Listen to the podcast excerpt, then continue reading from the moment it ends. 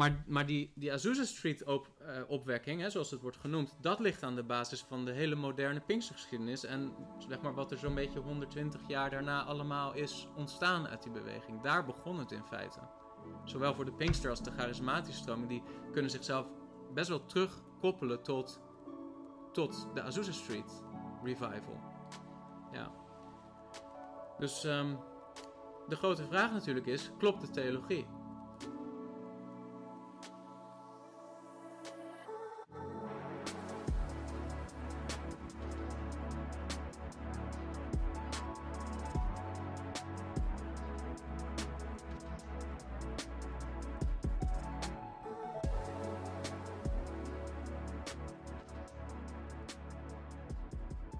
Beginnen met uh, de opvatting, en daar is eigenlijk de hele Pinksterbeweging mee begonnen, hè, met de Azusa Street Revival. Uh, met een theologie die eigenlijk de doop met de Heilige Geest ziet als een second blessing. De doop met de Heilige Geest is eigenlijk een soort, ja, een extra, een bonus, iets wat kan komen in het leven van een christen nadat hij al vele jaren gered is, hè, al vele jaren gelooft in de Heer Jezus Christus als verlosser en Heer, eh, gedoopt is in water in zijn naam, onderdeel is van de gemeente. En dan zie je dat met die Azusa Street Revival er eigenlijk, en dat, dat was al daarvoor met Charles Parham, maar dat er een bepaalde visie was op uh, de doop met de Heilige Geest als iets wat een second blessing is. Waarvan ze dat zijn gaan zien als iets wat de kerk misschien vergeten is, wat vele jaren verloren is geraakt en wat weer hersteld moest worden. En dat is eigenlijk een beetje hoe de Pinksterbeweging is begonnen.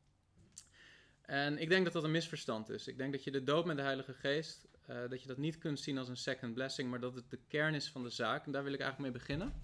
Dat we daar gewoon samen eens naar gaan kijken in Gods Woord. Matthäus hoofdstuk 3, vers 1 tot 12.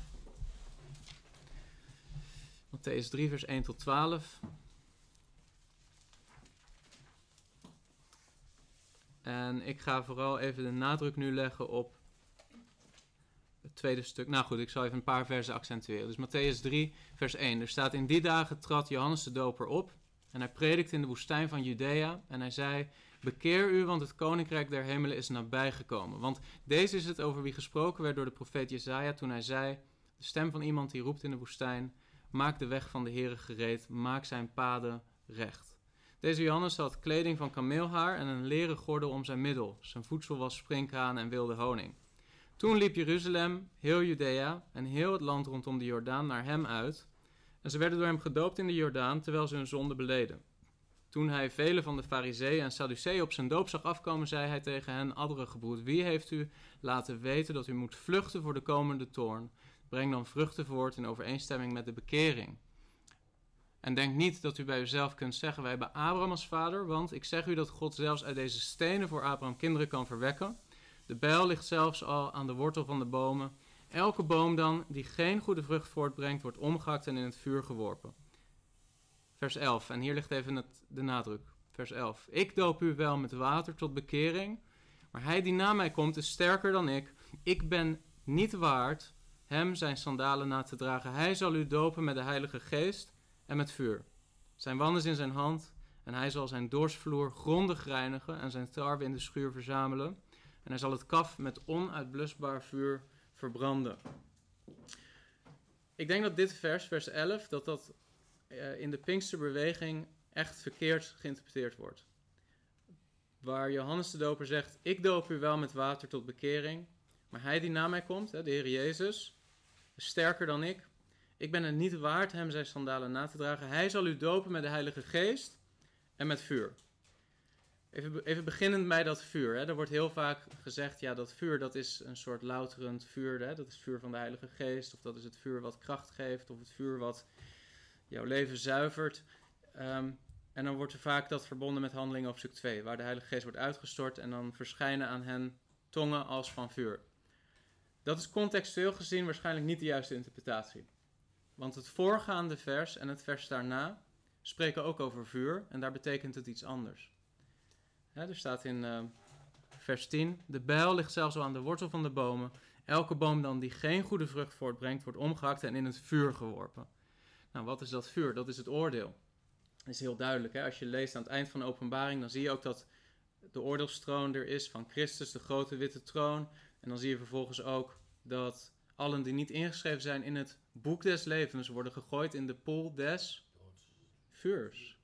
De pool van vuur. Dus die doop met vuur, die heeft te maken met oordeel. En dat zie je in de context hier ook. Vers 10, elke boom die geen vrucht draagt, wordt omgehakt en in het vuur geworpen. Vers 12, hè, dat is het vers na vers 11. Daar staat zijn wannes in zijn hand en hij zal zijn dorsvloer grondig reinigen en zijn tarwe in de schuur verzamelen. Dus dat is de ene kant van het verhaal. Hij zal zijn tarwe verzamelen. Hè? Vers 10 suggereert er zijn bomen die vrucht dragen en bomen die geen vrucht dragen.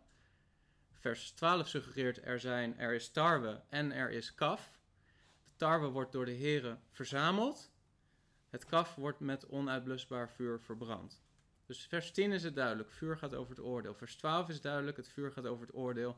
Vers 11, dan zou vuur opeens iets anders betekenen. En dat, is, dat gaat in tegen de, de normale regels van hoe je de Bijbel leest en interpreteert. Meest voor de hand liggend, en dat wordt ook zo onderwezen door nou, verschillende Bijbelcommentatoren. Het is wel opvallend hoeveel Bijbelcommentatoren, ook uit de reformatorische traditie, vuur hier gewoon nog wel uitleggen als het heiligend vuur van de geest. Maar ik zie het echt als een uh, een onlogische interpretatie vanwege de context. Want er staat, hij zal u dood met de Heilige Geest en met vuur. En waarom ik daarmee begin, is omdat in feite dit laat zien, er zijn maar twee opties. De Heer Jezus komt, Johannes is gekomen, hij heeft de doop van bekering met water gepredikt. Hij zegt, na mij komt iemand anders, die zal u dopen met de Heilige Geest en met vuur. Er zijn maar twee opties. Of hij doopt je met de Heilige Geest, of hij doopt je met vuur. Als hij je doopt met de Heilige Geest, dan is dat om zijn gemeente bij elkaar te brengen. Dan is het om een heiligend werk te doen. Dan is het om iets te doen wat de waterdoop van Johannes niet kon doen. Want Johannes' een doop met water was tot bekering, alleen hij kon niet het hart van de mensen veranderen. Dat was het probleem. En daarom zegt Johannes ook: hè, Er komt iemand na mij die sterker is dan, dan ik. Ik ben het niet waard zijn sandalen los te maken. Tuurlijk, hij heeft het over de zoon van God en hij is een mens. Maar Johannes voelt ergens, denk ik, ook zijn eigen tekortschieten. Dat hij niet in staat is het hart van de mensen te veranderen. In theorie zouden mensen elke dag opnieuw zich kunnen laten dopen met de waterdoop van Johannes. Omdat de zondaar door blijft gaan in zijn patroon van zonde. misschien herken je dat wel, die cyclus in je leven. Dat je, ondanks dat je je best wil doen, maar je hè, in je oude leven misschien bleef vallen. Hè, bepaalde zonden waarvan je zei, ik wil me ervan bekeren, maar je bleef erin vallen. Je wilde je bekeren en je deed het ook, maar je viel weer. En die bevrijding, die verandering, die is nodig omdat het hart van de mens zondig is. Het is niet alleen maar een kwestie van ons gedrag. Het is niet alleen maar een kwestie van, oh je hebt je belasting toen niet betaald en dat moet hè, gerepareerd worden. De Bijbel leert dat het zondeprobleem dieper gaat dan alleen maar dingen die je verkeerd hebt gedaan. Het gaat om het hart. Het hart van de mens is zondig.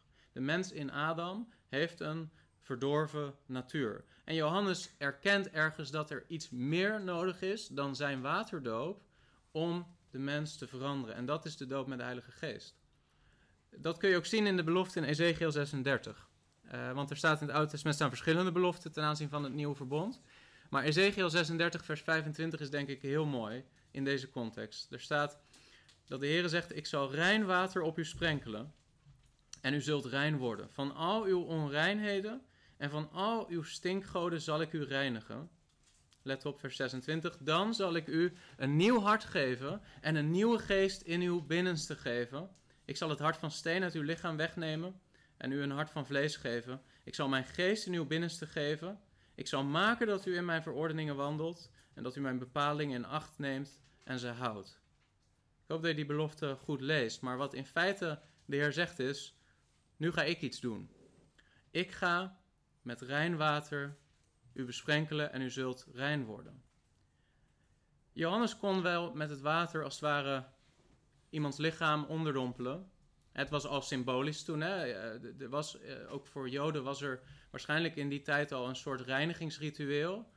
Uh, waarbij ehm, Joden, bijvoorbeeld heidenen die wilden toetreden tot het Joodse volk, moesten zich laten besnijden, maar moesten ook uh, zich laten onderdompelen in een bepaald ritueel bad. Dus de waterdoop was ook iets wat onder Joden ook al waarschijnlijk bekend was. Maar vooral in die context, dat niet-Joden wilden toetreden tot het Joodse volk en zich op die manier moesten wassen. Dus het was eigenlijk heel controversieel dat Johannes tegen zijn eigen volksgenoten zei: Je moet je laten dopen in water. En mogelijk is dat ook de reden dat die fariseeën zeiden: van, Wacht even, maar wij zijn kinderen van Abraham. Wij zijn geen heidenen. Wij hebben die doop niet nodig. En Johannes zegt in feite: Nee, maar het koninkrijk van God is niet alleen maar het volk Israël. Het koninkrijk van God komt met de Messias en jullie zijn niet klaar om hem te ontmoeten. Je staat niet recht voor God. De bekering was nodig als een voorbereidende weg voor Christus, voor de ontmoeting met hun heiland. Maar het probleem is dieper en dat zegt, uh, dat zegt eigenlijk ook hè, die tekst in Ezekiel. Ik zal u een nieuw hart geven, ik zal u een nieuwe geest in uw binnenste geven, ik zal u reinigen. En datgene wat Johannes niet kon met zijn doop, dat is wat de Heer Jezus zal doen met zijn doop. Namelijk de doop met de Heilige Geest. De doop met de Heilige Geest is niet een extra, het is niet een bonus, het is de kern van de zaak. Het is God die het oude hart wegneemt uit de zondaar en die het hart reinigt, die een nieuw hart geeft. Het is wedergeboorte. En ehm, je zit ofwel in het ene kamp of in het andere kamp. Je bent of in Adam of in Christus. Dat zijn de categorieën die Paulus ook beschrijft in de Romeinenbrief. Er zit niks tussen. In Adam zul je sterven in je zonde. En in Christus zul je behouden worden in zijn gerechtigheid. En dat is de hele mensheid. Is opgedeeld in die twee groepen. Dus wanneer, hè, wanneer Johannes zegt, hij zal u dopen met de Heilige Geest en met vuur, denk niet dat er wedergeboren christenen zijn die niet gedoopt zijn met de Heilige Geest. Dan hebben ze de kern van de zaak in feite gemist. Als jij denkt dat de doop met de Heilige Geest betekent dat je dan in een soort tongen spreekt en dat je een soort extatische ervaring hebt, uh, met alle respect, maar dan heb jij niet begrepen wat hier staat. Dat is niet waar het om gaat. De Heilige Geest is er helemaal niet om uh, interessante emotionele ervaringen te geven en mensen in een brabbeltaal te laten spreken die moeilijk verstaanbaar is, waar niemand, waarvan iedereen denkt, oké, een beetje raar. Als dat de doop is met de Heilige Geest, uh, dan kan ik dat niet rijmen met wat hier staat. Dit gaat om hele andere dingen. Dit gaat om zondaren die tot God moeten komen en dit gaat om een reiniging die nodig is. Daarom wordt er gedoopt. Daarom moet de Heer Jezus dopen met de Heilige Geest. Het is overigens de Heer Jezus die doopt met de Heilige Geest. Of in de Heilige Geest. De Heilige Geest zelf doopt niet. Het is de Heer Jezus die doopt met de Heilige Geest. Dat wordt vaak verward, dus daarom zeg ik dat. Dan zeg je, ja maar broeder Christ, dan betekent dat dus in feite dat elke wedergeboren christen gedoopt is met de Heilige Geest. Dat is mijn standpunt, dat is wat ik geloof. En dat zie ik ook in de schrift. In 1 Korinthe hoofdstuk 12, laten we dat even samen lezen. En dat is misschien ook een goed vers om te onthouden, mocht je te maken hebben met iemand die jou vraagt van, ja, je bent wel wedergeboren, maar bent u wel gedoopt in de Heilige Geest, broeder? Bent u wel gedoopt in de Heilige Geest, zuster? Hebt u wel in tongen gesproken? Nou, is goed om te kijken naar 1 Korinthe hoofdstuk 12, vers 12 en 13. Daar zegt Paulus dit. Zoals het lichaam één is en veel leden heeft, en al de leden van dit ene lichaam, hoewel het er veel zijn, één lichaam zijn, zo is het ook met Christus. Vers 13. Ook wij allen zijn immers in of door één geest tot één lichaam gedoopt. Het zij dat wij Joden zijn, het zij Grieken, het zij slaven, het zij vrijen. Wij allen zijn van één geest doordrenkt, of wij allen hebben van één geest gedronken. Hier staat in feite dat wij allen gedoopt zijn met de Heilige Geest, of in de Heilige Geest, of door de Heilige Geest. En soms zeggen dan charismatische christenen, ja, maar dit is iets anders. Dit gaat om een soort algemene gedoopt worden tot het lichaam van Christus. Dit gaat niet over de doop in de Heilige Geest. Maar in het Grieks staat daar precies hetzelfde. Er staat en heni pneumati. Dezelfde Griekse constructie, inclusief hetzelfde voorzetsel als in Matthäus hoofdstuk 3, vers 11. Dus dan zou je eigenlijk de vraag moeten stellen: oké, als Paulus in zijn theologie ervan uitgaat dat alle christenen aan wie hij de brief schrijft gedoopt zijn in één geest, hoe kun jij dan tot de conclusie komen dat er dus in een kerk, hè, met, met christenen, met mensen die het evangelie hebben aangenomen, met mensen die de Heer Jezus beleiden als Heer, dat daar een soort tweesplitsing is tussen mensen die de doop in de Heilige Geest hebben en mensen die het niet hebben. De haves en de have-nots. En dan krijg je een splitsing in de gemeente. Dan zeg je, sommigen hebben het en anderen hebben het niet. En wat betekent dat, dat uiteindelijk dan? Dat betekent dat juist datgene wat eenheid zou moeten brengen in de gemeente, want dat is wat Paulus zegt. We zijn door één geest tot één lichaam gedoopt. Of dat we nou Joden zijn, of Grieken, of slaven, of vrije. We zijn door één geest doordrenkt. We zijn één lichaam. Dus hij benadrukt de eenheid van de gemeente. Maar deze theologie benadrukt een verdeeldheid. Want sommigen hebben de doop en anderen hebben de doop niet. Nou, wat is dan voor Paulus in die context kenmerkend voor het hebben van die doop met de Heilige Geest of de Heilige Geest hebben. Nou, dat staat in 1 Korinthe 12, vers 3. Er staat, daarom maak ik u ook bekend dat niemand door de geest van God, die door de geest van God spreekt zegt, Jezus is een vervloekte. Ook kan niemand zeggen, Jezus is Here, dan door de Heilige Geest. Zeg broeder Chris, maar je kan toch heel makkelijk zeggen, Jezus is Here, ook als je de Heilige Geest niet hebt. Ja, maar dat is dus niet wat Paulus bedoelt. Paulus bedoelt niet een soort holle uitspraak, ja, Jezus is Here, dus je hebt de Heilige Geest. Want dat zou ook in de context van de rest van de schrift raar zijn. Hè? De Heer Jezus zegt in Matthäus hoofdstuk 7, op die dag zullen er velen zijn die zeggen, Heere, Heere, hebben wij niet in uw naam dit gedaan, dat gedaan, zus gedaan, zo gedaan, demonen uitgedreven, geprofiteerd, vele krachten gedaan. En dan zegt de Heer, dan zal ik u openlijk zeggen, ik heb u nooit gekend. Dus dan zou die categorie van mensen eigenlijk niet passen in Paulus' theologie. Dus dat klopt niet. Wat Paulus bedoelt te zeggen is: niemand kan een oprechte geloofsbelijdenis hebben en Jezus erkennen als zijn Heer, dan iemand die vervuld is met de Heilige Geest, iemand die de Heilige Geest heeft, iemand die gedoopt is in de Heilige Geest. Paulus maakt niet een onderscheid in die zin tussen de Heilige Geest hebben, of verzegeld zijn met de Heilige Geest, of gedoopt zijn met de Heilige Geest. En dat zie je dat in de Pinksterbeweging dat onderscheid heel erg benadrukt wordt. je kan de Heilige Geest als het ware hebben, zonder dat je ermee gedoopt bent, of met hem gedoopt bent. Paulus heeft geen ruimte voor die categorie mensen in zijn brieven of in zijn theologie. Dus dan ga je, ja, dan ga je eigenlijk op een manier om met de schrift die niet klopt. Een oprechte christelijke geloofsbeleidenis, een waarachtige christelijke geloofsbeleidenis is alleen maar mogelijk door de Heilige Geest. Dat is wat Paulus hier zegt. En overigens, als je gewoon leest in de schrift, dan gaat Paulus er ook van uit. Hè? Romeinen hoofdstuk 8, daar zegt hij, zij die in het vlees zijn, Romein hoofdstuk 8 vers 8, zij die in het vlees zijn, kunnen God niet behagen. Vers 9, maar u bent niet in het vlees, maar in de geest, wanneer althans de geest van God in u woont. Maar als iemand de geest van Christus niet heeft, die is niet van hem. Dus in Paulus' theologie is het feit dat iemand opnieuw geboren wordt en het evangelie van Jezus Christus aanneemt en vergeving van zonde ontvangt in Christus en gerechtvaardigd is, is de basis om te zeggen: oké, maar dan heeft de Heilige Geest in jouw leven een werk gedaan. Dan heb je de Heilige Geest ontvangen. Dan zijn dat allemaal tekenen van het werk van de Geest in jouw leven. En andersom is er dus in Paulus' theologie, ook in Romeinen hoofdstuk 8, geen categorie van christenen die wel gelovig is, maar niet de Heilige Geest heeft. Oké? Ik hoop dat dat uh, duidelijk is. Die lijn loopt door uh, ook in de Efezebrief bijvoorbeeld. Efezebrief is echt een paar jaar later geschreven nog dan uh, Romeinenbrief. Efeze 1 vers 13.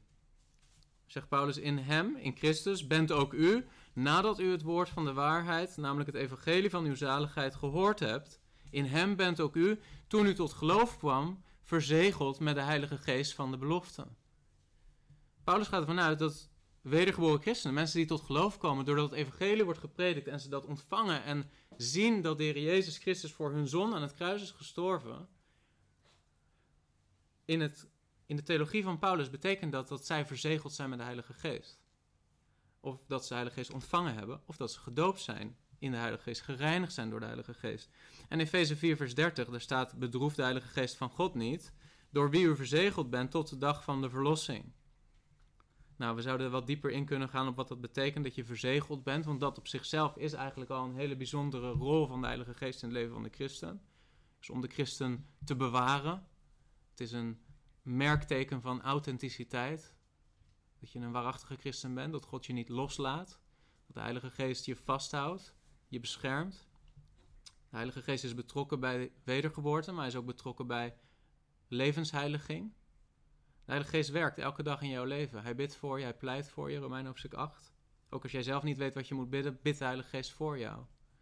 De Heilige Geest is bezig om de gemeente te bereiden op de komst van de Heer Jezus Christus en te zorgen dat het een bruid is zonder vlek of rimpel. En zo werkt de Heilige Geest in jouw leven. De Heilige Geest heeft een hele belangrijke rol, maar het is niet de rol van mensen op de grond laten vallen en op een extatische manier zich als dieren laten gedragen. Zijn er ook teksten waar hun het dan weghalen? Of zijn dat dit de teksten wat jij nu noemt? Nou, als ze dit allemaal zo op een rij zouden zetten, zouden ze niet tot hun conclusies komen. Maar... Nee, maar heb je daar, uh, ik weet niet of jij daar zo weet, maar zijn dat teksten dan wat ze daar aanhalen? Nou, kijk, uh, en daar, daar, gaan we het ook over hebben. Kijk, hoe, hoe zij eigenlijk, historisch gezien, hoe dit ontstaan is, is doordat Charles Parham, een beetje de grondlegger hè, in, de, in de ongeveer de jaren 1900, de eeuw, eeuwwisseling van de 19e naar de 20ste eeuw. Ehm, dat hij tot de overtuiging kwam dat het boek Handelingen normatief zou moeten zijn voor de gemeente vandaag de dag. Dat is eigenlijk de denkfout. Daar gaat het al mis. En dan gaat hij kijken van oké, maar wat is dan vanuit Handelingen het bewijs dat iemand gedoopt is met de Heilige Geest? Nou, en dan kijkt hij naar Handelingen hoofdstuk 2, Handelingen 8, Handelingen 10, Handelingen 19. En daar zie je, oké, ze werden vervuld met de Heilige Geest en ze begonnen te spreken in andere talen.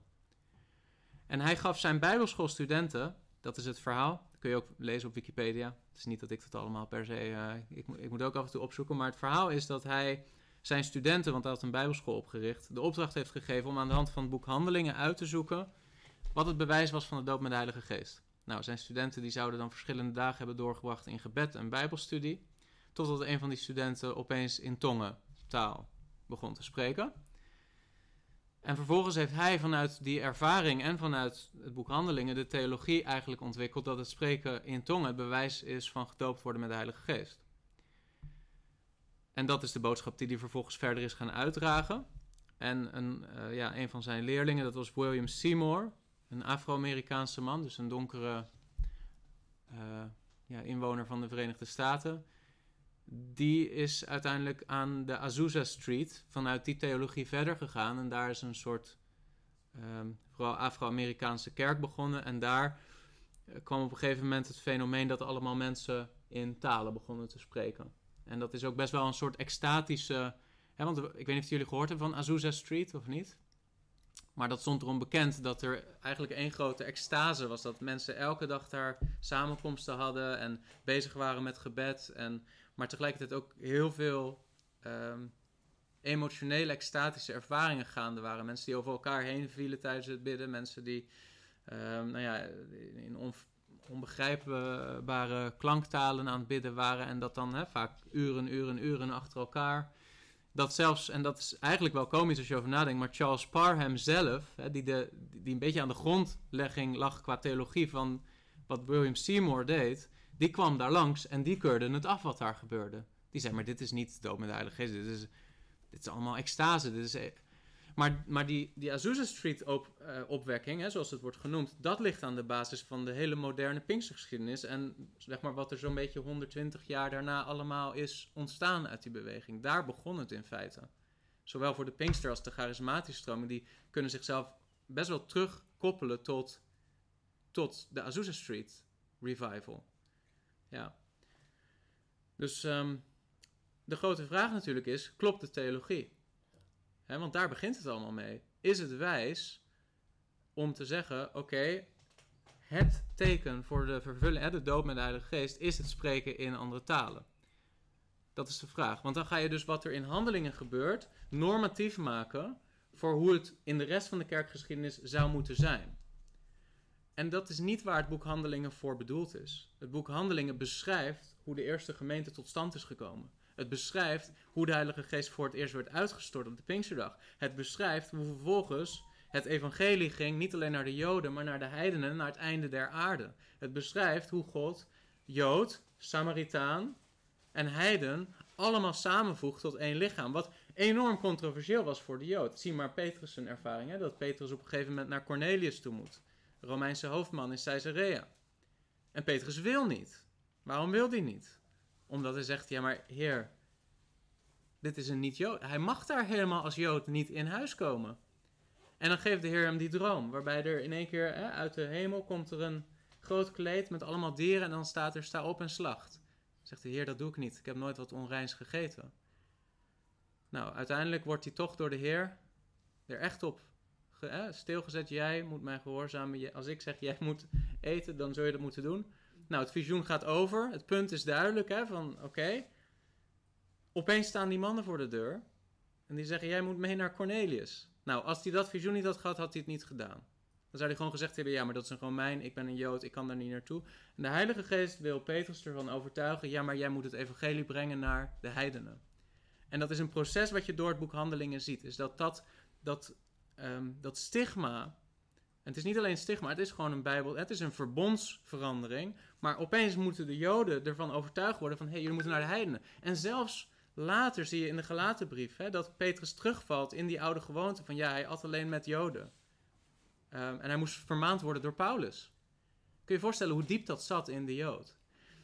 En dan zie je dat in het boek Handelingen, dat met het spreken in talen, wat overigens niet een brabbeltaal was, dat waren begrijpelijke talen, dat waren talen van mensen, van alle volken, dat lees je in Handelingen. Heel ander soort tongen, zeg maar, dan wat we vinden in de moderne charismatische beweging. Wat dan een taal der engelen of een, soort gebedstaal zou moeten zijn, maar je moet vooral ehm, je moet vooral niet verwachten dat je dat door een vertaler of zo uh, kunt uh, laten vertalen, want dan word je teleurgesteld. Uh, een heel ander soort beleving. Heel duidelijk dat wat in handelingen gebeurt iets bovennatuurlijks is. Wat niet verklaarbaar is op een andere manier dan dit doet God. Dit, dit kan niet anders. Al die Joden uit al die verschillende regio's van de wereld. Want er was al een ballingschap geweest. Ze waren al verstrooid. Ze kwamen voor de Pinksterdag samen om dat feest te vieren. Maar ze hadden allemaal ook talen van de heiden volkeren waar ze op dat moment verbleven, die waarschijnlijk langzamerhand ook hun eerste taal waren geworden en het Joods een beetje hun tweede taal. En dan op de Pinksterdag horen ze allemaal de apostelen spreken in hun taal. En als je kijkt naar 1 Korinthe hoofdstuk 14, eh, wanneer Paulus het heeft over de gaven van talen, dan refereert hij ook terug naar een citaat uit Jezaja. Waar eigenlijk wordt aangegeven dat de Heer zegt: Ik zal spreken tot dit volk in onbegrijpelijke talen, of in andere talen, of in. Nou, in feite was dat een aankondiging van oordeel. Die ook gekomen is hè, met, met Babylon, wat op een gegeven moment Juda in ballingschap heeft genomen. En wat de Heer in Jezaja zei tegen zijn volk was: Jullie zijn zo ongehoorzaam, jullie hebben niet geluisterd naar mij. Als jullie niet naar mij willen luisteren door de stem van mijn profeet, dan zal ik tot jullie spreken door vreemde talen. En wat de Heer daarmee zegt is: Er gaat een vreemd volk binnenkomen en jullie zullen meegevoerd worden in oordeel. Dat was, dat was iets wat al in de wet van Mozes beschreven stond. Als ze de Heer ongehoorzaam zouden zijn, zouden ze in oordeel weggevoerd worden. Zouden ze overgegeven worden aan hun vijanden. Nou, dat was, in die context heeft Jezaja al aangegeven van, ik zal tot jullie spreken in vreemde talen. Die tekst wordt aangehaald door Paulus in 1 Korinthe hoofdstuk 14, wanneer hij het heeft over hè, dat de gave van talen is een gave niet voor de gelovigen, maar voor de ongelovigen. Welke ongelovigen? Nou, de ongelovige Israëlieten in de context van Jezaja. Dus was een teken van oordeel. Dat was het ook in Handelingen stuk 2. Het was een teken van oordeel dat ze hun Messias hadden gekruisigd. En het feit dat het evangelie tot hun gepredikt werd door Petrus, waarbij Petrus ook benadrukt, deze Jezus die u gekruisigd hebt, hè, op een vrij beschuldigende manier zegt hij, jullie hebben jullie eigen Messias gekruisigd. Een heel erg krachtige boodschap, maar ook een duidelijke beschuldiging naar de Joden. Jullie hebben jullie eigen Messias gekruisigd. Oorspronkelijk was het teken van tongen was ook een teken van oordeel. Een teken van waarom spreekt God niet tot ons in het Hebreeuws, in de taal waarin hij altijd tot ons heeft gesproken? Omdat jullie niet hebben geluisterd. Het is een teken van oordeel. Dat hoor je niet zoveel in de charismatische beweging, maar dat is wel de context van Jezaja, wat geciteerd wordt door Paulus in 1 Korinthe hoofdstuk 14. Dat is niet het enige. Het is ook iets wat gebruikt wordt door God om het evangelie te prediken in al die verschillende talen. Het bevatte ook de boodschap, het evangelie zal naar de heidenvolken gaan. Het was ook een verbinding met wat er in Babylon gebeurde, met de verstrooiing van de volken, doordat er allemaal talen kwamen, waarbij in handeling hoofdstuk 2 de Heilige Geest als het ware zegt, ik ga die volken weer bij elkaar brengen, maar in Christus. Niet in een eenheid van menselijke autonomie zoals in Babel, maar in een eenheid in Christus. Daar ga ik de mensen samenbrengen. Dus er zijn allerlei hè, dingen die dat betekenen, dat spreken in tongen. Maar vervolgens zie je dat God op een hele specifieke manier in het boek Handelingen, dat die doop met de Heilige Geest en dat spreken in talen, dat dat een teken wordt wat eigenlijk naar de apostelen met name communiceert dat hun zendingsgebied de hele wereld is geworden. want in Handelingen hoofdstuk 2, daar gaat het om Israël. In Handelingen hoofdstuk 8, daar gaat het om de Samaritanen. En dat waren voor Israëlieten, waren dat, ja, dat waren halfbloedjes. Die hoorden er niet bij. Dat, ze, ze, liepen liever een heel stuk om Samaria heen als ze naar Jeruzalem moesten vanuit Galilea, dan dat ze er doorheen gingen. Maar de Heilige Geest zei, zij horen erbij. En dan, dan is daar een evangelist, volgens, mij was het Filippus, hè? Filippus de evangelist, die daar in handelingen op stuk 8 eigenlijk al is. En er gebeuren daar al allerlei wonderen. Maar ze hebben de Heilige Geest nog niet ontvangen. Zeg, dat is apart. Zelfs in de charismatische beweging is dat heel apart, toch? Waarom, waarom zou hij daar als evangelist zijn en er gebeuren wonderen en maar ze ontvangen de Heilige Geest niet? En dan horen de apostelen in Jeruzalem dat Samaria het woord van God heeft aangenomen. Dan sturen ze Petrus en Johannes. En als ze aangekomen worden, dan bidden ze voor hen dat ze de Heilige Geest mogen ontvangen. En dan staat niet overigens daar dat ze in tongen spraken of in talen. Maar er staat wel dat het duidelijk was dat ze de Heilige Geest hadden ontvangen. Want de omgeving wist, daar is iets gebeurd wat net nog niet gebeurde. Maar nu zijn Petrus en Johannes hier en nu gebeurt het wel. Waarschijnlijk spraken ze in talen. En was het ook duidelijk, dit is niet een brabbeltaal, dit, dit is on, onbegrijpelijk. Hoe kan het dat zij die talen spreken? Dit is bovennatuurlijk. En het was eigenlijk waarschijnlijk meer een getuigenis naar Petrus en Johannes, dan dat het een soort normatieve ervaring was. Het was naar, naar, naar Petrus en Johannes was de boodschap, luister, Samaria hoort er ook bij. Het is niet alleen voor de Jood, het is ook voor de Samaritanen. Nou goed, Petrus en Johannes waarschijnlijk weer terug naar Jeruzalem, naar de mede-apostelen. Jongens, het is ook voor Samaria, blijkbaar. Ja, sorry, jij wilde wat zeggen. Ja, je wilt graag interactiviteit, hè? Ja, Waar ook nog verwarring over is, en het staat hier ook wel. Hier staat iets bij dat ze door handoplegging de Heilige Geest ontvingen. Nou, dat handoplegging, dat is ook altijd al zo'n zo'n ding. Kun je daar iets van zeggen, van hoe we dat moeten zien eh, met betrekking tot het ontvangen van de Heilige Geest? ja. Ja, bij mijn weten is het alleen iets wat je de apostelen ziet doen. Volgens mij is dat iets wat echt eh, specifiek voor de apostelen is. Dat alleen apostelen mensen de handen oplegden en dat ze de Heilige Geest op die manier ontvingen. Ik denk ook niet dat dat iets is wat je kunt zien als normatief voor. eh, het, het is juist opvallend dat Filippus daar al was en dat niet kon doen. En vervolgens de apostelen moeten komen en het dan wel gebeurt.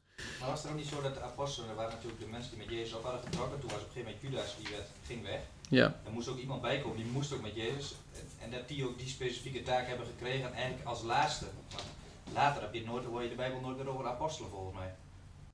Nee, dus ik geloof ook niet dat er nu vandaag de dag nog apostelen zijn.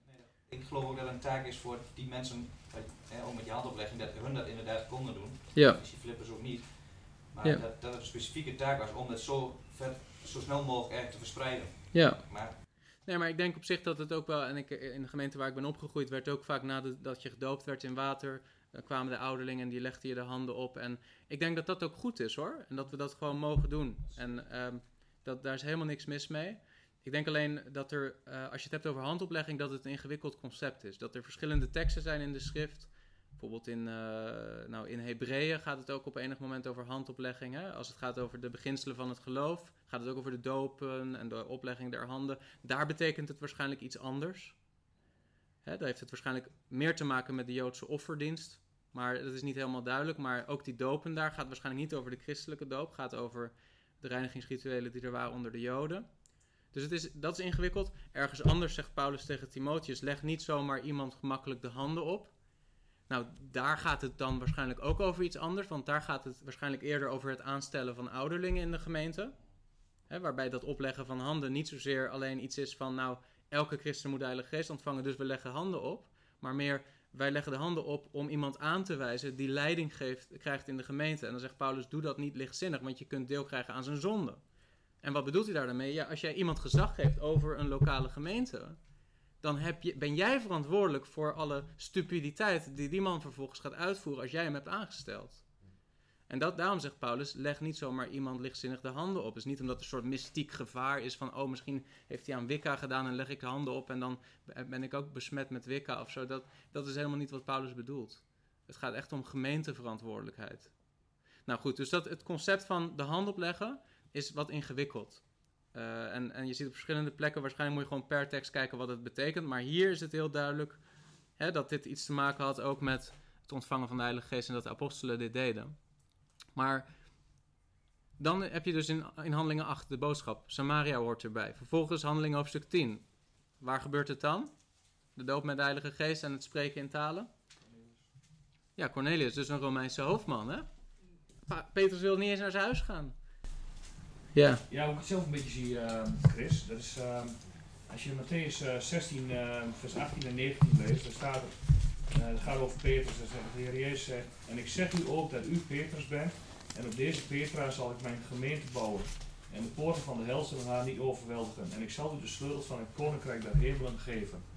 En ik geloof dat die sleutels van het koninkrijk der hemelen, wanneer komen daarbij? Wanneer we zijn wedergeboren in geest, in het lichaam van Christus zijn. En Petrus heeft die sleutels gekregen en dan komt, begint handelingen op een gegeven moment, wordt de geest uitgestort.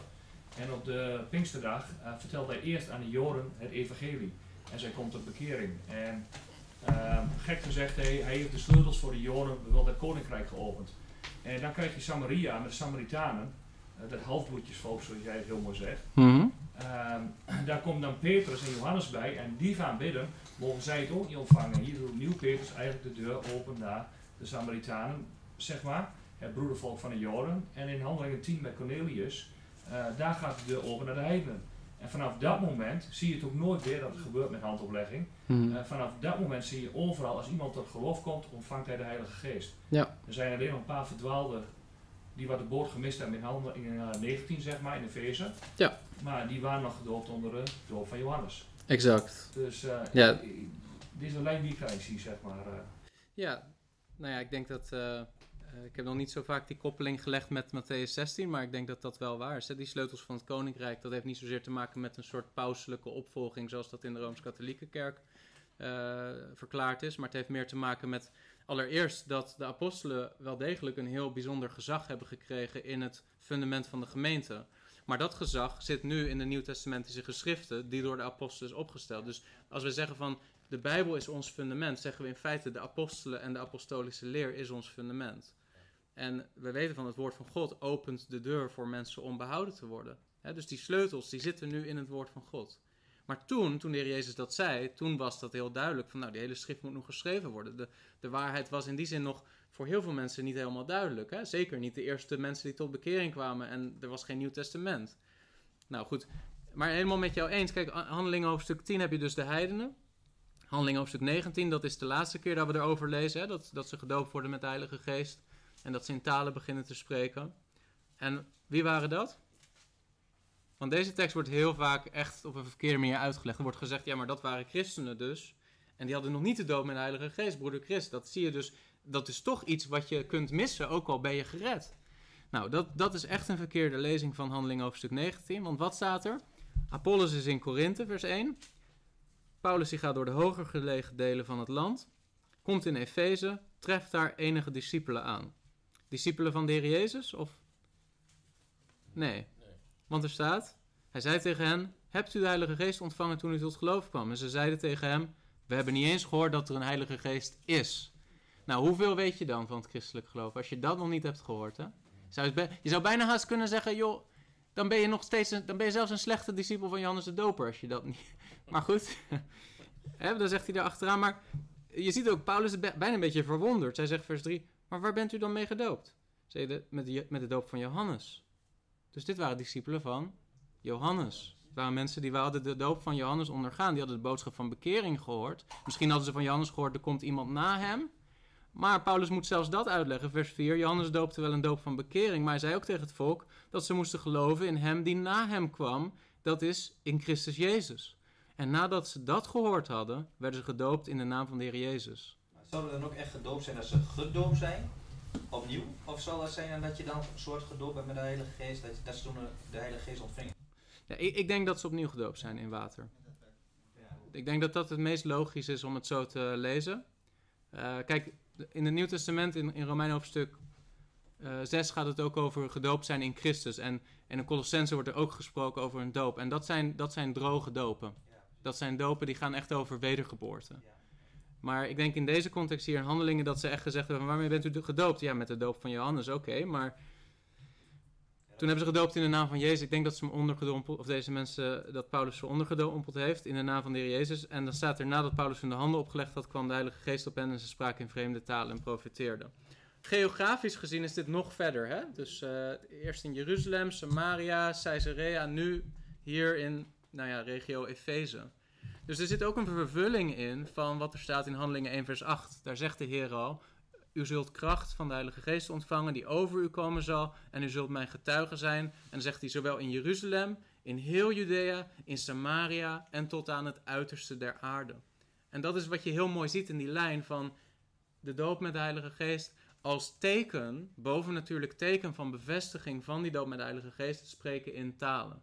Maar even nog over die talen. Hè? Wat voor talen bedoel jij dan? Is dat dan hebben we het dan over een taal van dat die mensen begrijpen wat er verteld wordt? Dus ik kom in Frieseveen, hè, een platte taal, en jij komt in Rotterdam, praat iets meer ABN. Ja. Stel je voor dat ik dus in Rotterdam kom en ik heb die Heilige Geest en dan kom ik in Frieseveen en dan betaal ik, praat ik Frieseveens het evangelie. Of is dat, is dat dan die brabbeltaal wat ze daar bedoelen? Nou, de, ik denk dat ze, ze spraken over de grote werken van God. En sommigen zeggen, nou, ze spraken tot God. Ze waren God aan het loven en prijzen, zeg maar, in die talen. Anderen zeggen, nou, ze, uh, ze vertelden anderen over de grote werken van God in die talen. Ik weet niet of dat we dat zo heel duidelijk kunnen stellen. Maar wat duidelijk is, is ze spreken in talen. De omgeving erkent, dit zijn talen. Uh, want laten we wel wezen, hè, heel eerlijk, hè, maar iemand die gewoon zegt, bata, bata, bata, bata, bata, bata dat is geen teken, hè? Dat is geen teken, dat kan iedereen, dat kan mijn dochter van drie, kan dat ook. En dan zeggen we niet halleluja, ze is vervuld met de Heilige Geest. Iemand ja, begin met Paulus, die zegt natuurlijk ook in de gemeente, dan zegt hij van, um, als die in, in andere talen spreekt, dat heeft geen zin, maar, als, maar ik kan me heel, nou, wat jij zegt, ik kom hier voor het eerst, en ik ben vandaag uitgenodigd, heel interessant, en jij begint daar, wat, dat, dat, dat, dat, en dan denk ik ook van, joh, je bent uh, helemaal gek geworden, ik ga weer naar huis. Ja. Maar dus, dus die soort taal, die zal er misschien wel zijn, maar hoe, hoe zie je dat dan? Is dat is er dan wel. Wat bedoel je met die soort taal zal er wel zijn? De taal waar jij zegt van, hè, dat je begrijpelijk dus ja. het evangelie vertelt aan iemand Mhm. in zijn taal. Ja, En vooral in die tijd, dat hij dat ook zegt van we gaan het evangelie overal verspreiden. ja. Of, en, en is er dan ook een soort tongentaal, want dat wou ik nog vragen, want er staat in eh 1 Korinthe 14 vers 4 staat wie in een andere taal spreekt, bouwt zichzelf op. Dat wordt ook wel eens gezegd, hè? dat is het voor jezelf. Ja.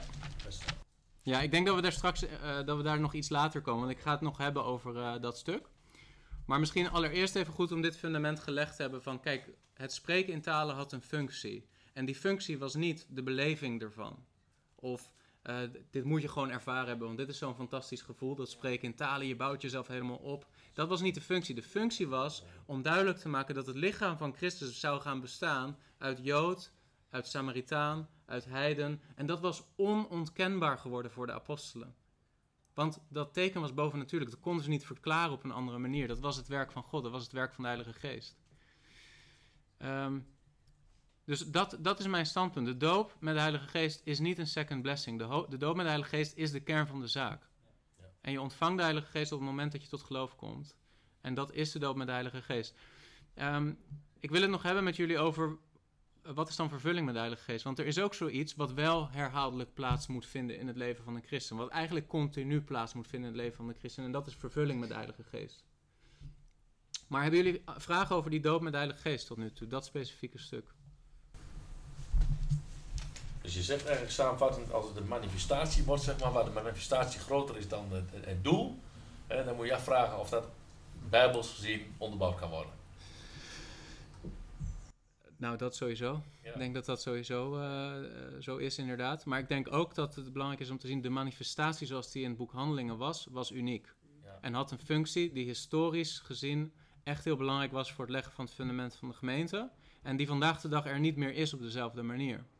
En dan zeg je, ja, maar eh, we kunnen toch nog steeds eh, goed gebruik maken van zo'n teken. Want ja, we kunnen mensen dan makkelijker winnen voor het koninkrijk... als ze zien dat er bovennatuurlijke dingen gebeuren. Ja, dat kan. En ik sluit ook niet uit dat God nog steeds wonderen en tekenen doet. Als iemand als zendeling ergens naartoe gaat en het evangelie predikt en dat er genezing plaatsvindt. Of dat, er, dat iemand de bovennatuurlijke gaven krijgt van spreken in talen. Maar dat is niet wat aan de grondslag van de Pinksterbeweging ligt. Wat er gebeurd is, en dat is, eigenlijk is het een heel tragisch verhaal, maar ook een beetje een komisch verhaal. Heel veel mensen die betrokken waren bij die Azusa Street Revival en groeperingen die daaruit ontstaan zijn, die waren ervan overtuigd dat zij hetzelfde hadden ontvangen als wat in handelingen was uitgestort. En zij hadden dan ook bepaalde missiescholen, zendingsscholen. En ze hebben mensen gestuurd naar allerlei landen, inclusief Azië. En ze waren er zo van overtuigd van ja, wij spreken die talen, we hebben die gaven. Dus ze stuurden mensen naar landen zonder dat ze de taal hadden geleerd. Want ze dachten, ja, we hebben de, gaven van, we hebben dat niet nodig, we hebben de geest. Nou, dat is uitgelopen op een hele grote deceptie. Mensen kwamen daar, konden niet communiceren met die mensen daar. Het werkte niet. Ze hadden die gaven niet. En vervolgens is er, er is nog onderzoek gedaan, ook in die tijd. En daar blijkt uit dat eigenlijk niemand dit had. Niemand. Al die mensen die de overtuiging hadden, we hebben de gaven gehad, zoals in handelingen, die, die vol vuur daar naartoe gingen, kwamen bedrogen uit. Ze hadden niet die taal ontvangen. Er zijn wel getuigenissen van mensen die echt eh, een bovennatuurlijke taal spreken in gebieden waar het evangelie nog niet verkondigd is. En, maar dat wat er uit die Pinksterbeweging voortvloeide en die zendingsbewegingen daarvan, dat is echt een, dat is een grote eh, deceptie geworden. En vervolgens moesten ze opnieuw gaan bedenken van, maar wat is dit dan wel? En toen is de hele theorie gekomen van, oh, dit is de taal van engelen. Ja, dit is ook geen menselijke taal. Ze schreven zelfs in tongen, zeg maar, dingen op. En dat werd geanalyseerd door taalkundigen. Die zeiden, ja, dit is niks, dit is geen taal. Hè? Want mensen dachten, dit is Chinees. Nee, het was gewoon, waren gewoon krassen op papier. Het was, het was geen taal. Is onderzoek naar gedaan. Nou, het grootste deel van al die ervaringen bleek gewoon helemaal niks te maken te hebben met talen. En toen is het gekomen van ja, maar Paulus heeft het ook over een taal der engelen in 1 Korinthe hoofdstuk 13. Hè? En misschien is het, het- moet je het meer zien als een gebedstaal, iets tussen jou en God. Maar ja, dan heb je het al lang niet meer over wat we in handelingen lezen. Dan moet je opeens tot een heel ander soort conclusie komen. Dus dat is, een, ehm, dat is historisch hoe dat ging in die beweging. En vandaag de dag zeggen ze gewoon, ja, maar wij geloven ook helemaal niet dat dat per se een menselijke taal is. Het is de taal van engelen. Hè, dan spreek maar maar na, bata, bata, bata, bata, bata. En dan zeg je, ja, zet je verstand maar uit, bata, bata, bata, bata. En ja, maar dat is niet wat in handelingen gebeurde. Met alle respect. Maar vervulling met de Heilige Geest, dat vinden we bijvoorbeeld in Efeze 5, vers 18. Kijk, in het boek Handelingen zie je dat het wordt eigenlijk tegelijkertijd gebruikt. Dus iemand wordt gedoopt in de Heilige Geest, maar wordt ook vervuld met de Heilige Geest. Die twee gaan samen. Wordt eigenlijk gewoon gebruikt als een soort synoniem. Maar in Paulus' theologie, in de Efezebrief, zie je dat eigenlijk de doop met de Heilige Geest... en in de Korinthebrief zie je de doop met de Heilige Geest... ziet hij als iets wat eenmalig gebeurt aan het begin van jouw wandel met Christus. Maar vervulling met de Heilige Geest is iets wat voortdurend opnieuw moet blijven gebeuren. Efeze 5 vers 18 zegt Paulus dit. Word niet dronken van wijn waarin losbandigheid is, maar wordt vervuld met de geest. Staat in het Grieks plerouste. Plerouste van het woord pleroo. En dat werkwoord is in de tegenwoordige tijd geschreven. Dat wil zeggen, hij zegt je moet, je moet nu vervuld zijn met de Heilige Geest. Het is een gebod. Staat in de imperativusvorm. Dus het is een gebiedende wijs. Dus hij zegt, word vervuld met de Heilige Geest. Het is, geen, het is niet van, hey, dat zou je wel eens kunnen doen. Hè? Moet je misschien eens naar een conferentie gaan van een charismatische gemeente... of naar de opwekking of zo. Misschien word je dan vervuld met de Geest, wie weet. Dat is niet wat Paulus zegt. Hij zegt, je moet altijd vervuld zijn, altijd vervuld worden met de Heilige Geest. En het is een gebod, net zoals mannen heb uw vrouwen lief. Een gebod, net zoals uh, wie gestolen heeft, laat hem niet meer stelen. Het is een gebod. Het is niet een vrijblijvend iets. In de theologie van Paulus is vervuld worden met de Heilige Geest een gebod waarvan als jij niet vervuld bent met de Heilige Geest, leef je in zonde. Zo, zo duidelijk is het. Net als dat wanneer je als man je, vrouw niet lief hebt. Of als je als vrouw je man niet uh, ontzag hebt voor je man. Dat, het is hetzelfde soort geboden. Het staat in hetzelfde rijtje. Net als Paulus zegt, word niet dronken van wijn, zegt hij, word vervuld met de geest. Dat is dus iets waar jij ook een actieve handeling in zou moeten kunnen verrichten. Want als hij dat gebiedt, dan betekent het dat jij verantwoordelijk bent om daar gehoorzaam aan te zijn. Het is niet iets wat je overkomt. Het is iets waar jij iets voor moet doen.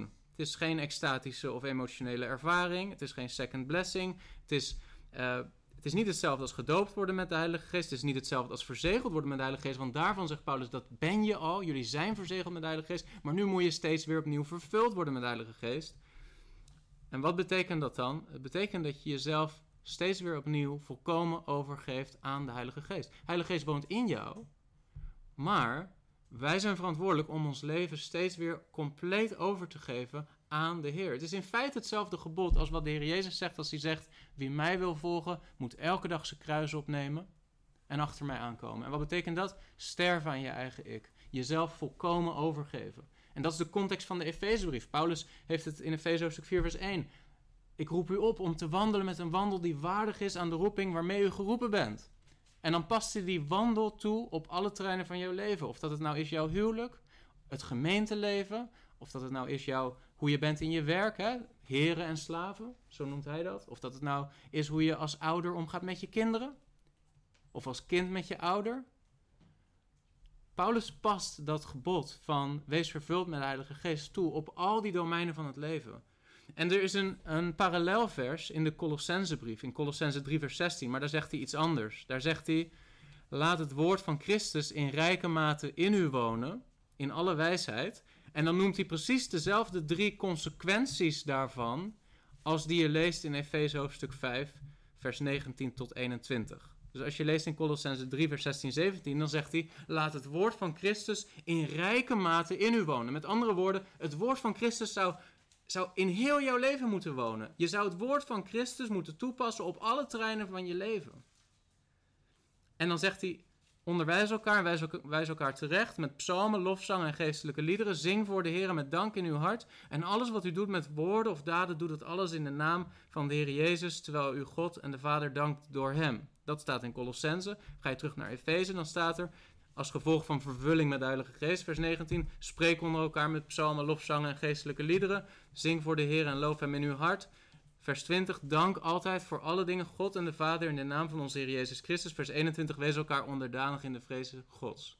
En als je kijkt naar het Grieks, dan zie je dat de werkwoordsvorm van vers 19 tot 21, die werkwoorden die daar staan, die staan, dat zijn participia, dat zijn meewerkende werkwoorden. Het hoofdwerkwoord is de opdracht wordt vervuld met de geest.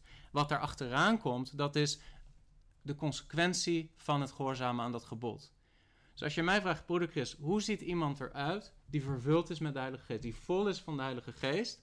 Dan zeg ik, oké, dat is iemand die zingt voor de Heer met vreugde in zijn hart. Iemand die de Heer verheerlijkt in zijn leven, die, die zijn vreugde vindt in de Heer. Dat is het eerste kenmerk. Het tweede kenmerk, vers 20, dank voor altijd alle dingen, in, voor alle dingen God en de Vader in de naam van onze Heer Jezus Christus. Dat is het tweede, dankbaarheid. Iemand die vol is van de Heilige Geest, is God dankbaar.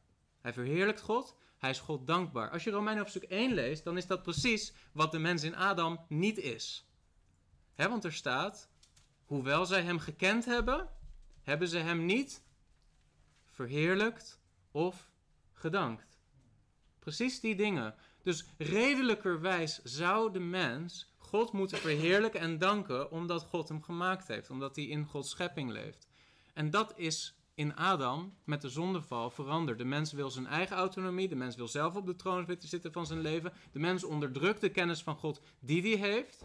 Want Romeinen hoofdstuk 1 maakt duidelijk, elk mens kent God, weet dat er een God is. Niet alleen dat er een God is, maar dat de levende God er is. Weet dat hij veroordeeld staat voor die God. Zeg je, ja, maar broeder, dat weten toch? Ja, dat weten alle mensen. Dat is ingeschapen godsbesef. Zeg je, maar ik, ik ontmoet heel vaak mensen op straat die zeggen, ja, ik geloof helemaal niet in God. Ja, dat klopt. Ze onderdrukken de kennis die ze hebben van God. Maar de Bijbel zegt, ieder mens kent God. Onderdrukt die kennis, maar kent God. En daarom zeg ik ook altijd als ik een apologetiek cursus geef, zeg ik, verspil je tijd niet om drie uur lang te gaan discussiëren met mensen over of dat God wel of niet bestaat. De mens weet ten diepste dat God bestaat. En doordat jij drie uur lang daarover discussieert met iemand, geef je alleen maar geloofwaardigheid aan zijn positie. De Bijbel erkent zijn positie niet. De Bijbel zegt, de mens ten diepste weet dat er een God is. En de boodschap die jij moet prediken is, jij, lieve meneer, lieve mevrouw, weet ten diepste dat er een God is. Maar je wil hem niet kennen in je leven. Je onderdrukt de kennis die je hebt. Moet je zo gaan evangeliseren op straat en kijken wat er gebeurt. Welk vers was dat ook weer wat je zei? Romeinen hoofdstuk 1 eh, kun je dat, eh, ik weet niet precies welk vers volgens mij, ergens rond de 20. Misschien dat iemand het kan opzoeken. Maar ehm, dat, dat is het begin van Paulus' theologie. Dus daarom zeg ik ook vaak van ja, we zeggen vaak dat we gaan evangeliseren op straat, maar is dat wat wij prediken? Is dat de confrontatie die wij aangaan met mensen? Je weet ten diepste dat er een God is, maar je wilt hem niet erkennen in je leven en daarom moet je je bekeren. Nou goed, komen we even terug op het punt. Dit was een zijspoor. Maar het punt is dus, iemand die vervuld is met de Heilige Geest doet precies datgene wel waarvan Paulus zegt dat de mens in Adam het niet doet, namelijk God verheerlijken, God dankbaar zijn. En het derde kenmerk, en dat is wat mensen, ik bedoel, als, als mij vroeger verteld werd, broeder Chris, hoe ziet iemand eruit die vervuld is met de Heilige Geest, dacht ik van, oh, wauw, dat is iemand die, hè, die is, dat is iemand die is gewoon heel, ehm, heel hoog en, en krachtig en moet je ook een beetje bang voor zijn, zo iemand, hè. Nou, wat Paulus zegt is, weet je wat een teken is van de vervulling met de Heilige Geest? Dat iemand onderdanig is, dat iemand nederig is, dat iemand dienstbaar is. Staat, wees elkaar onderdanig in de vrezen Gods. En trouwens een leuke voor de zusters. Daarna komt vers eh, 22 hè, van vrouwen, wees uw eigen mannen onderdanig. Maar wist je dat in vers eh, 22 in de, in de vroegere Griekse manuscripten wordt dat werkwoord helemaal niet meer herhaald. Van wees elkaar on, wees, wees uw mannen onderdanig. Er wordt gewoon eigenlijk gezegd in vers 21, wees elkaar onderdanig in de vrees des. Dus dat moet de houding zijn in het hele lichaam van Christus, dat we elkaar dienen, dat we elkaar, dat ik, dat ik bewust ben van jouw behoeften, misschien soms wel meer dan van mijn eigen behoeften. En dat ik jou wil dienen, dat dat mijn basishouding is, omdat ik vervuld ben met de Heilige Geest en bezig ben met hoe, is het met jou, is het met mijn broeder, is het met mijn zuster. En dan zegt Paulus, mannen of vrouwen, uw eigen mannen. Dus met andere woorden, dit is een soort specialisatie van het algemene gebod van onderdanigheid in de gemeente. Is, hé hey, vrouwen, jullie eigen mannen. Dus dat is misschien een leuke, mocht je man al te vaak zeggen van... Hé, hey, Efeze 5 vers 22, jij moet mij onderdanig zijn. Zeg, ja, maar wacht eventjes. wacht eens eventjes, mijn man. Ja, maar dit vertel ik Laura. Gewoon filmpje heb. Ja, dit zullen we knippen. Dit zullen we knippen. dit moet niet uitlekken. Ik van nergens dit raakt nergens dit, deze discussie. Nee, maar, dus als je, maar als je vraagt van... Hey, broeder Chris, hoe ziet het nou uit als ik vervul... Dus vervulling met de Heilige Geest moet je, altijd, je moet altijd vol zijn van de Heilige Geest. Dat is het gebod. Als je niet vol bent van de Heilige Geest... betekent dat er een terrein is in jouw leven... waar je God buiten laat. Misschien is het hè, dat zwart geld waar we het over hadden. Misschien is het hè, dat je een verborgen leven hebt. Kijk naar internetpornografie. Een probleem van heel veel mannen in de kerk. Een reden waarom heel veel mannen niet vervuld zijn met de Heilige Geest... is omdat ze daar op dat gebied in hun binnenkamer... wanneer niemand kijkt, zijn ze niet trouw. Niet trouw aan hun vrouw, niet trouw aan hun God. Dus dat, dat is het ware probleem. Waarom niet iedereen vervuld is met de Heilige Geest? Is omdat er iets is in ons leven, één dingetje wat we niet los willen laten, wat we niet over willen geven. En dan is het net als een huis. Je hebt al die verschillende kamers. En dan zeg je wel van ja, het licht staat aan in een van die kamers. Hè, je hebt de Heilige Geest. Maar het huis is niet vervuld met licht. Waarom? Omdat er misschien maar één of twee kamers zijn waar het licht uitstaat. Maar dat zijn net de kamers die jij moet overgeven. En als je dat overgeeft en zegt, Heer, hè, ik heb wel eens een verhaal gehoord, ik weet niet van wie het was, maar er was iemand die was op zoek naar de vervulling met de Heilige Geest. En die zei op een gegeven moment, trok hij een cirkel op de grond en hij ging erin zitten en hij zei, Heer, alles in deze cirkel is van u. Hij zat zelf in die cirkel, dus hij gaf zichzelf volkomen over. Nou, toen, dat was voor hem een keerpunt, een ervaring. Op dat moment veranderde alles. En j- jij vertelde het ook, nou, ik moest iets, iets goeds re- maken, iets rechtzetten en op dat moment ging ik de Bijbel anders. Het werd veel dieper. Op dat moment, ja, ik denk dat dat iets te maken heeft met vervulling met de Heilige Geest. En je kan eh, op een moment in je leven vervuld zijn met de Heilige Geest. En een week later, omdat je ontrouw bent, omdat je ja, naar je vrouw toe eh, bijvoorbeeld ruw bent. Of eh, je, je als man gewoon niet wijs met je vrouw omgaat. Of als vrouw niet wijs met je man omgaat. Kan het best zijn dat je ervaart daarna dat je niet diezelfde vervulling ervaart. Nou, wat is er dan nodig? Ja, broeder Chris moet naar de opwekkingsconferentie gaan. Nee, je moet je bekeren van je zonde. Je moet teruggaan naar je man of je vrouw en zeggen: Sorry, ik heb dat verkeerd gedaan. Hè? En, en weer terug naar, gaan naar de Heer en zeggen: Heer, ik wil dit weer overgeven aan u. Mijn huwelijk heeft een vorm aangenomen die niet van u is. Ik wil het weer overgeven aan u. Het zijn die kleine beslissingen die we nemen in ons leven, die soms maken dat er een klein deel van ons leven afgezonderd raakt van ons geestelijk leven. En dit is natuurlijk ook wat, wat je vaak ziet bij religie, dat we gaan compartimentaliseren. We hebben de dienst op zondagochtend, maar dan heb ik ook mijn werk. En mijn werk, ja, daar ben ik een ander soort mens dan op zondagochtend in de kerk. God wil dat niet. God wil dat wij één zijn, dat er geen hypocrisie is, geen verdeeldheid, geen dubbelhartigheid. Dat je zegt, Heer, alles is van u. Mijn hele leven, mijn werk is van u, mijn relatie met mijn vrouw is van u, alles is van u. En dan zul je zien dat je vervuld bent met de Heilige Geest. En dat heb jij dus compleet onder controle. Ik hoop dat dat duidelijk is. Ben- Hebben jullie daar vragen over, vervulling met de Heilige Geest? Dan zul je zien dat de vreugde van God weer in je leven komt. Dat je weer dankbaar wordt voor wat je hebt. En dat je weer, dat er een bepaalde mate van nederigheid in je leven komt. Wanneer je vervuld bent met de Heilige Geest. Nou, ik denk dat ook wel in die tekst in de Bijbel staat ook even wat twee iemand genezen. En die, nou, ik ga ervan uit dat het te geloof komt. Dan zegt Jezus voor mij, ga heen en zondag niet meer dat u niet wat ergens overkomt. Dus dan zie je ook dat en we zijn blijven wel die zonde nog, dan hebben we het net van de voornemen op gehad, totdat je sterft krijg je een nieuw lichaam. En totdat die tijd, dan kan het nog wel. En dan staat er ook dat het niet wat ergens overkomt. Dus je kunt gewoon ook na je bekering, door zonde kan er wat tussen jou en God in komen te staan, zodat er dat je Ja. zo, ja, wat krijgt. En dat ging dan wel misschien op het genezingsgebied. En, Ja. Maar niet, de, niet het belangrijkste. Nou, weet je, het interessante is wel... eh, kijk, ik geloof niet dat een ware christen die wedergeboren is zijn verlossing kan verliezen. Misschien dat jullie er anders over denken. Ik geloof dat niet. Eh, ik geloof echt dat als je verzegeld bent met de Heilige Geest... dat dat zegel van God ook echt iets is wat aangeeft... ik ga jou niet loslaten, ik hou jou vast. Hè, de- wat zei je? Ja, Ja. dus ik geloof dat... ehm, eh, ik ben Calvinist, hè, dat is mijn theologie. Ehm, daar kunnen jullie anders over denken, dat is oké. Dat Tenminste, voor mij is dat niet... Ik heb genoeg mensen om me heen, ook in mijn gemeente, die daar anders over denken. En we hebben elkaar lief en we schudden elkaar de broederhand. Ehm, maar wat interessant is, is dat voor Paulus is het heel duidelijk dat... Hij spreekt tot mensen waarvan hij weet, jullie zijn verzegeld met de Heilige Geest. En toch geeft hij de opdracht, wees altijd vervuld met de Heilige Geest. Je kunt verzegeld zijn en niet vervuld zijn. Maar als je dat bent, is het een kwestie van alles overgeven aan de Heer. En als je dat doet, dan ben je een bruikbaar instrument voor Hem. Dus het heeft echt te maken met het kruis opnemen. Nou, Stefanus daarvan wordt gezegd, of in Handelingen 6 vers 3 wordt er gezegd, zoek broeders, zeven mannen uit uw midden, die een goed getuigenis hebben, vol van de Heilige Geest en van wijsheid, die wij voor deze noodzakelijke taak kunnen aanstellen. Nou, ik denk dat dat wel een teken is dat als jij vol bent van de Heilige Geest, dat dat een criterium is op basis waarvan God jou kan gebruiken.